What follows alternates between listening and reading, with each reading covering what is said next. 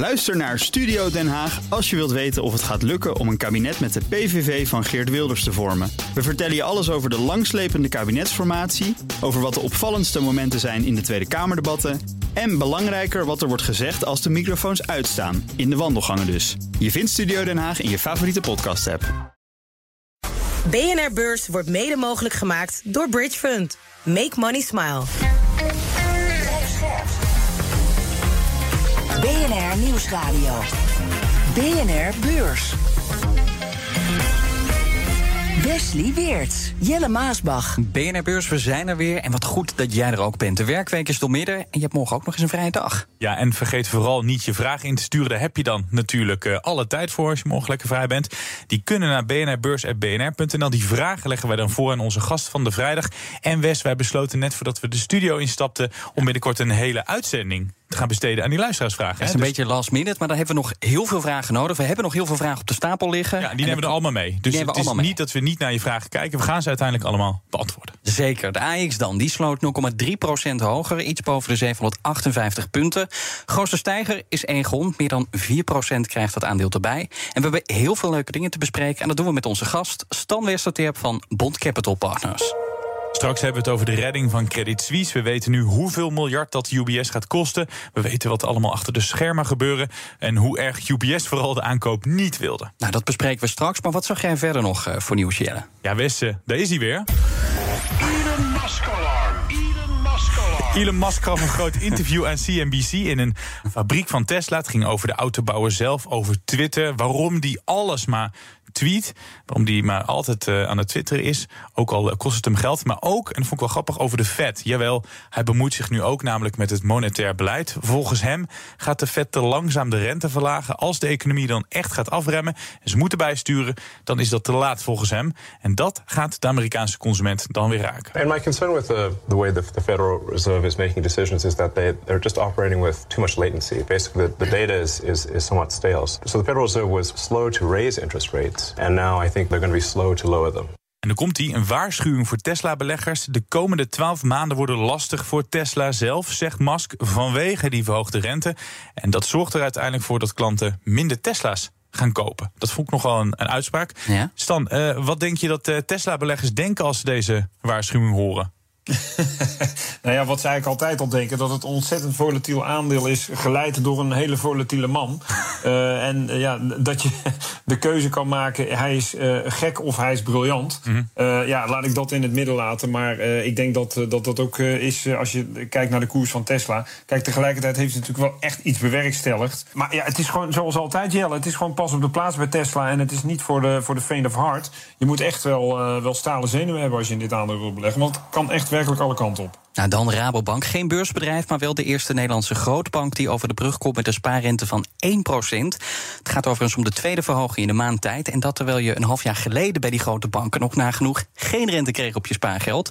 Toch kregen banken de afgelopen weken kritiek. Want het gat tussen de spaarrente die consumenten krijgen en de hypotheekrente die ze moeten betalen, wordt namelijk steeds groter. Nou ja, dat is slecht nieuws voor de klanten. Maar fijn nieuws voor de banken. Want die banken ja, die boeken daardoor recordwinsten. Nou, en dan wil ik het hebben over Elizabeth Holmes, de oprichter van uh. Dat bedrijf dat belooft om je te analyseren aan de hand van slechts één bloeddruppel. Bleek één grote oplichting te zijn. Ze werd veroordeeld. Ze is veroordeeld tot een celstraf van 11 jaar. Ze probeert in hoger beroep vrij te komen. En in de tussentijd ja, die uitslag lekker thuis af te wachten. Nou, dat is afgewezen. Maar er is nog een uh, tegenvaller voor haar. In een andere zaak is namelijk veroordeeld tot het betalen van een boete van 452 miljoen dollar geld dat ze moet betalen aan de slachtoffers van haar fraude. En over slachtoffers gesproken, ze heeft tijdens die slepende zaak nog even twee kinderen gekregen. Eentje van één heeft ze en eentje van drie maanden. Dus heel leuk uh, dat allemaal, maar die gaan dus gewoon ja, voorlopig zonder moeder opgroeien. Ja. Nou, over biotech gesproken dan. Want grote farmabedrijven die aanzen op een Belgisch biotechbedrijf. En dat bedrijf heet Argenix. En dat groeit ontzettend snel. En het gaat er ver om uit te leggen wat dat bedrijf precies doet. Maar eigenlijk hoef je maar één ding te weten. Namelijk dat de medicijnen van Argenix waarschijnlijk een hoop geld gaan opleveren.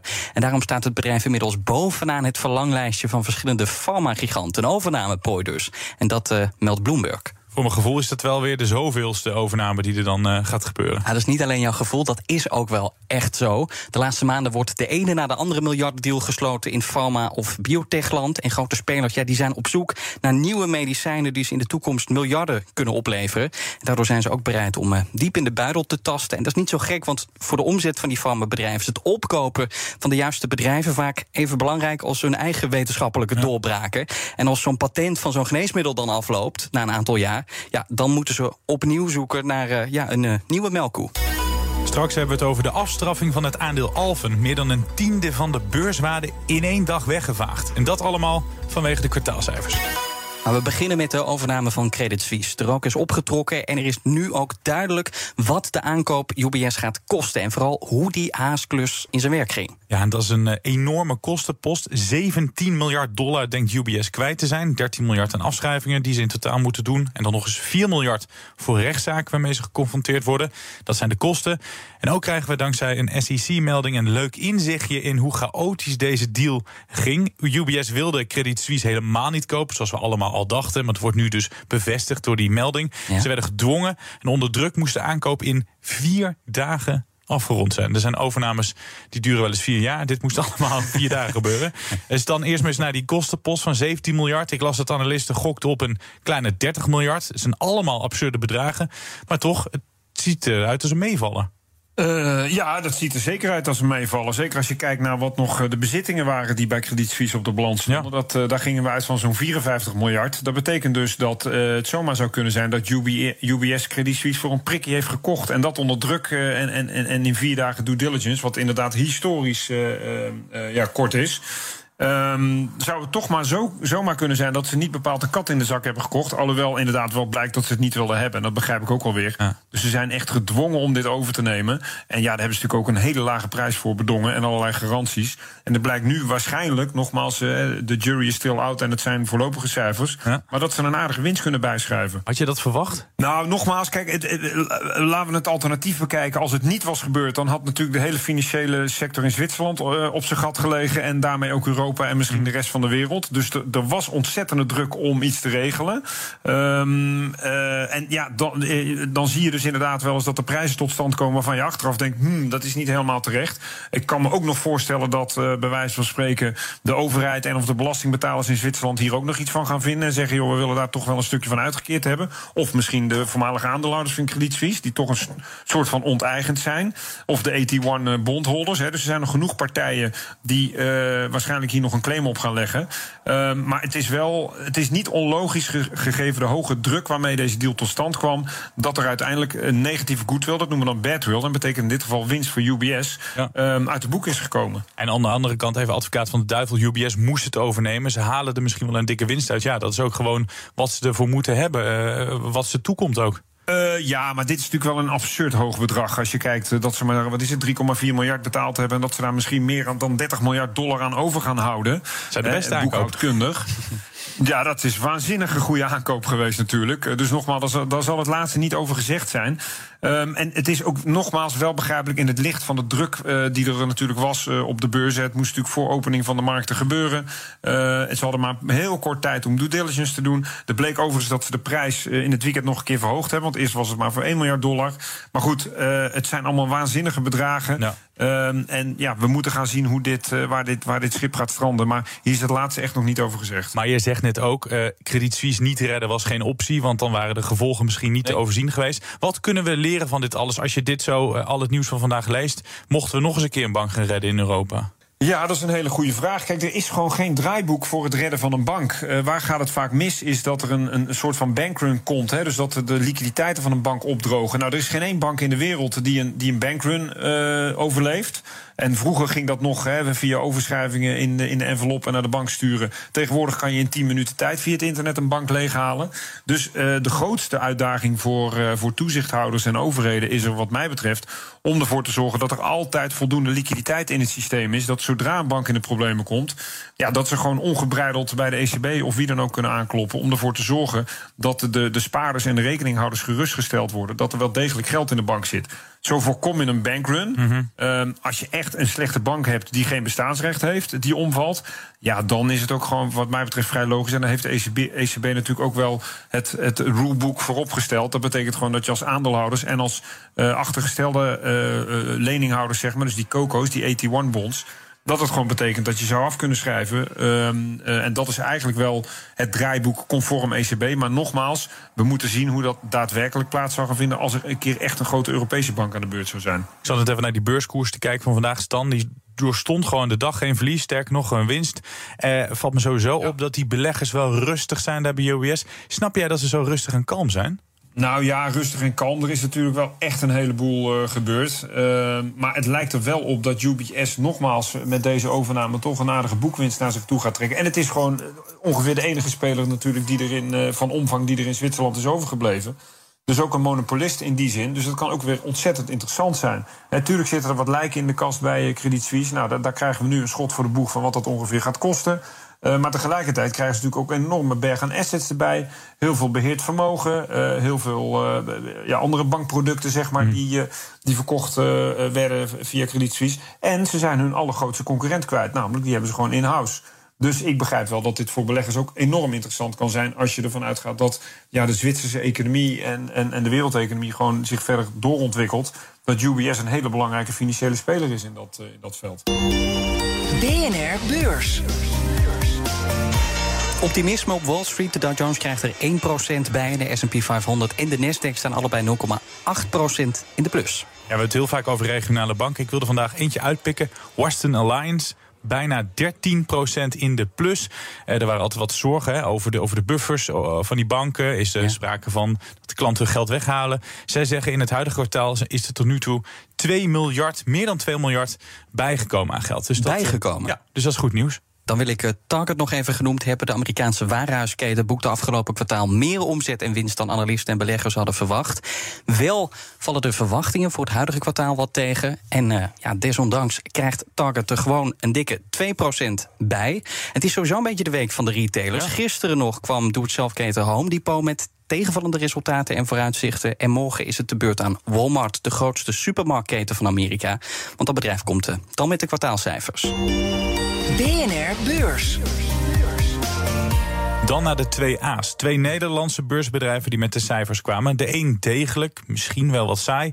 De ander zorgde voor sensatie, maar dan door een gigantisch koersverlies in de boeken te zetten. We hebben het over laadpalenbedrijf Alve en verzekeraar Egel. Om met uh, Alve te beginnen, dat haalde voor het eerst in de eigen geschiedenis minder omzet uit de laadpalen. Ook de winstgevendheid staat onder druk. En zelfs zeggen ze dat klanten nog veel voorraad hebben en daarom ook minder bestellen.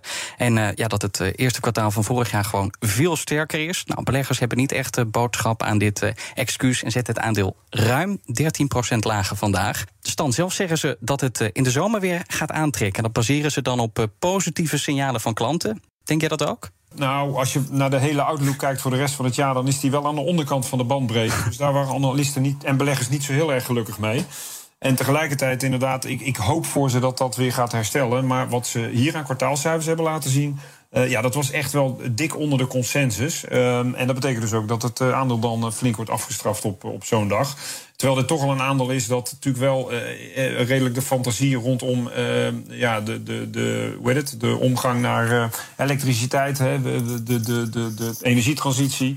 Um, en elektrisch rijden, daar is Alfa natuurlijk een, een, ja, een, onderdeel van. En dat betekent ook dat daar best wel wat fantasie in zit. Nou, als je dan met dit soort kwartaalcijfers komt die echt tegenvallen... Uh, ja, dan word je gewoon afgestraft op de beurs. Ja, dan die, die tweede A. De beurskoers van Egon ging door het dak. Je zei het al aan het begin van de uitzending, West, meer dan 4% erbij. En daarmee is eigenlijk ook wel gelijk het meest spannende gezegd. Want het bedrijf deed het veel beter dan waarop analisten hadden gerekend. Dat werd beloond, daarom ging dat aandeel dus zo fors omhoog. Maar Stan, zie jij nog zwaktes in de cijfers van de verzekeraar? Of ben jij lyrisch nee, hierover? Nou, lyrisch is. We kennen je toch altijd als een uitgelaten man. Ja, maar voor zover je over een verzekeraar lyrisch kan worden. Uh, nee, kijk, uh, gewoon solide uh, resultaten. De, de, operationele kapitaal was, was beter dan voorzien. bijna 300 miljoen euro. Ehm, de, dus ja, en, en, daarmee ook de Solvency 2-ratio kwam boven de 210% uit. Dat is natuurlijk weer belangrijk om, als we kijken naar het inkoop van eigen aandelen of het uitkeren van dividend. Ja, gewoon een hele set van solide resultaten. Die allemaal net wat hoger lagen dan verwacht. En dan zie je dus inderdaad op een dag als vandaag dat Egon een positieve uitschieter is, anders dan Alphen. Uh, dus je ziet ook echt daadwerkelijk dat kwartaalcijfers, het fundament van een onderneming, wel uiteindelijk de koers ook, uh, ook kunnen dragen. Uh, en ik verwacht eigenlijk van beide, zowel in positieve als in negatieve zin, dat dit de komende dagen wel even doorzet. Want nogmaals, als je wat breder kijkt, goede kwartaalcijfers, ja, die, die, die, die eilen altijd nog wel wat na. Maar dat geldt ook voor negatieve kwartaalcijfers, omdat toch veel analisten ook hun meningen daarop moeten herzien. en dus ook de analistenconsensus omhoog of omlaag gaat. En ja, daar reageren beleggers weer op. Dus vaak zie je dat goede kwartaalcijfers zorgt ervoor dat nog een paar dagen ja, positieve koersen op de borden zetten. Negatieve kwartaalcijfers uh, precies het tegenovergestelde. En dat is dus ook de verwachting voor deze twee A's. Nou, dan gaan we naar de beurs van Japan. Want dat kampte jarenlang met een stoffig imago. Beleggers lieten het land links liggen. En de Japanse beurs raakte in verval. Maar wat blijkt? Buitenlandse investeerders keren massaal terug. En Japan ontpopt zich meer en meer tot een heus beleggersparadijs. De Japanse beurs staat zelfs op het hoogste punt sinds de zomer van 1990. Stan, waarom hadden beleggers de laatste decennia weinig interesse in die beurs in Tokio? Uh, nou ja, om te beginnen, die, in de jaren 90, eind jaren 80 heeft inderdaad de Nikkei het hoogste punt ooit bereikt. Ja. Uh, dat was een beetje de, de, de tech-bubbel zeg maar, van, uh, van Japan destijds. Daarna is het nooit meer helemaal goed gekomen. Ja, en de reden dat, dat Japanse beleggers, of dat Japan wereldwijde beleggers een beetje links ja, werd gelegd, is vaak omdat je zag dat in Japan de demografische ontwikkelingen natuurlijk wat minder waren. Hè. Sprake van vergrijzing, geen bevolkingsgroei. Veel hiërarchische bedrijven die met name toch intern gericht zijn, veel, veel, uh, veel overtollig vet hebben. Mm -hmm. uh, en inderdaad met name ook in oude, oude industrie actief zijn. He, banken, verzekeraars, automobielbedrijven, dat soort uh, namen allemaal. Ja. En dat betekent eigenlijk dat Japan daardoor eigenlijk al decennia lang inderdaad ja, een veelbelovende markt is. Maar dat horen we al heel erg lang. Ja. En nu begint het er eindelijk een beetje uit te komen. Ja, want inmiddels staat Japan weer op de radar van buitenlandse investeerders. Zelfs Warren Buffett houdt van Japanse aandelen, zo zei hij. Van waar die ommezwaai opeens? Ja. Ze zijn door, door al die, door die, uh, dat gebrek aan liefde voor Japanse aandelen, zijn de waarderingen natuurlijk wel ontzettend interessant geworden. Um, uh, en er komt bij dat uh, Japanse bedrijven ja, toch ook wel internationaal gericht zijn. En dat je bijvoorbeeld een, een Japanse concurrent van een, ja, een Amerikaans bedrijf voor een prikje kunt oppikken in vergelijking tot, tot zeg maar de Amerikaanse evenknie. En dat maakt het natuurlijk interessant. Vandaar, zeker voor mensen als Warren Buffett, die natuurlijk echt altijd op zoek zijn naar, naar ja, goede kopen of sterke bedrijven tegen lage waarderingen. Nou, dan kan je in Japan nog aardig uh, winkelen. Zijn wij ook niet gewoon uh, jarenlang overdreven pessimistisch geweest over de Japanse bedrijven? Nee, dat denk ik niet. Er is wel echt het een en ander gebeurd. Je ziet gewoon dat de groei echt wel eruit was. Wat ik al zei, het zijn met name ook oude economiebedrijven. Uh, dat betekent dus nogmaals ook dat die waarderingen aan de lage kant zijn. En door de demografische ontwikkelingen uh, dat ze minder interessant waren. Ja. Maar als je dus Japanse bedrijven hebt die echt internationaal gericht zijn... en dat zijn er natuurlijk ook wel een heleboel... en je ziet wat voor waarderingen daar tot stand komen... ja, dan is het wel interessant om daar naar te kijken. Dat komt ook omdat de rest van de, de markten vrij prijzig zijn um, en uh, best wel aardig opgelopen zijn. Zeker in vergelijking tot Japan uh, de afgelopen decennia. Ja, dat anti-China-klimaat, profiteert Japan daar nog van? Ja, dat is een goede vraag. Um, ik denk niet dat. Kijk, Japan wordt toch altijd meer als westers uh, land gezien. je hebt altijd Asia ex-Japan, zoals we dat zo mooi zeggen. Dat betekent eigenlijk dat het niet echt meer een opkomende markt is, maar meer een van de westerse economieën die meer eerder met Engeland of, of Amerika of Europa wordt vergeleken.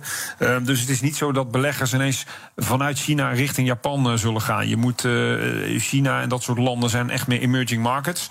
En Japan is echt een developed market. Dus je moet het eigenlijk vergelijken met westerse economieën. Dus het zou mij vreemd lijken als je ineens van, van een Chinese volatiele beurs naar eigenlijk een saaie, stabiele markt als, als Japan verhuist. Mm -hmm. tenzij je dus bijvoorbeeld wat minder in groei wil gaan beleggen, maar wat meer in waarde aandelen wil zitten, dan is Japan echt.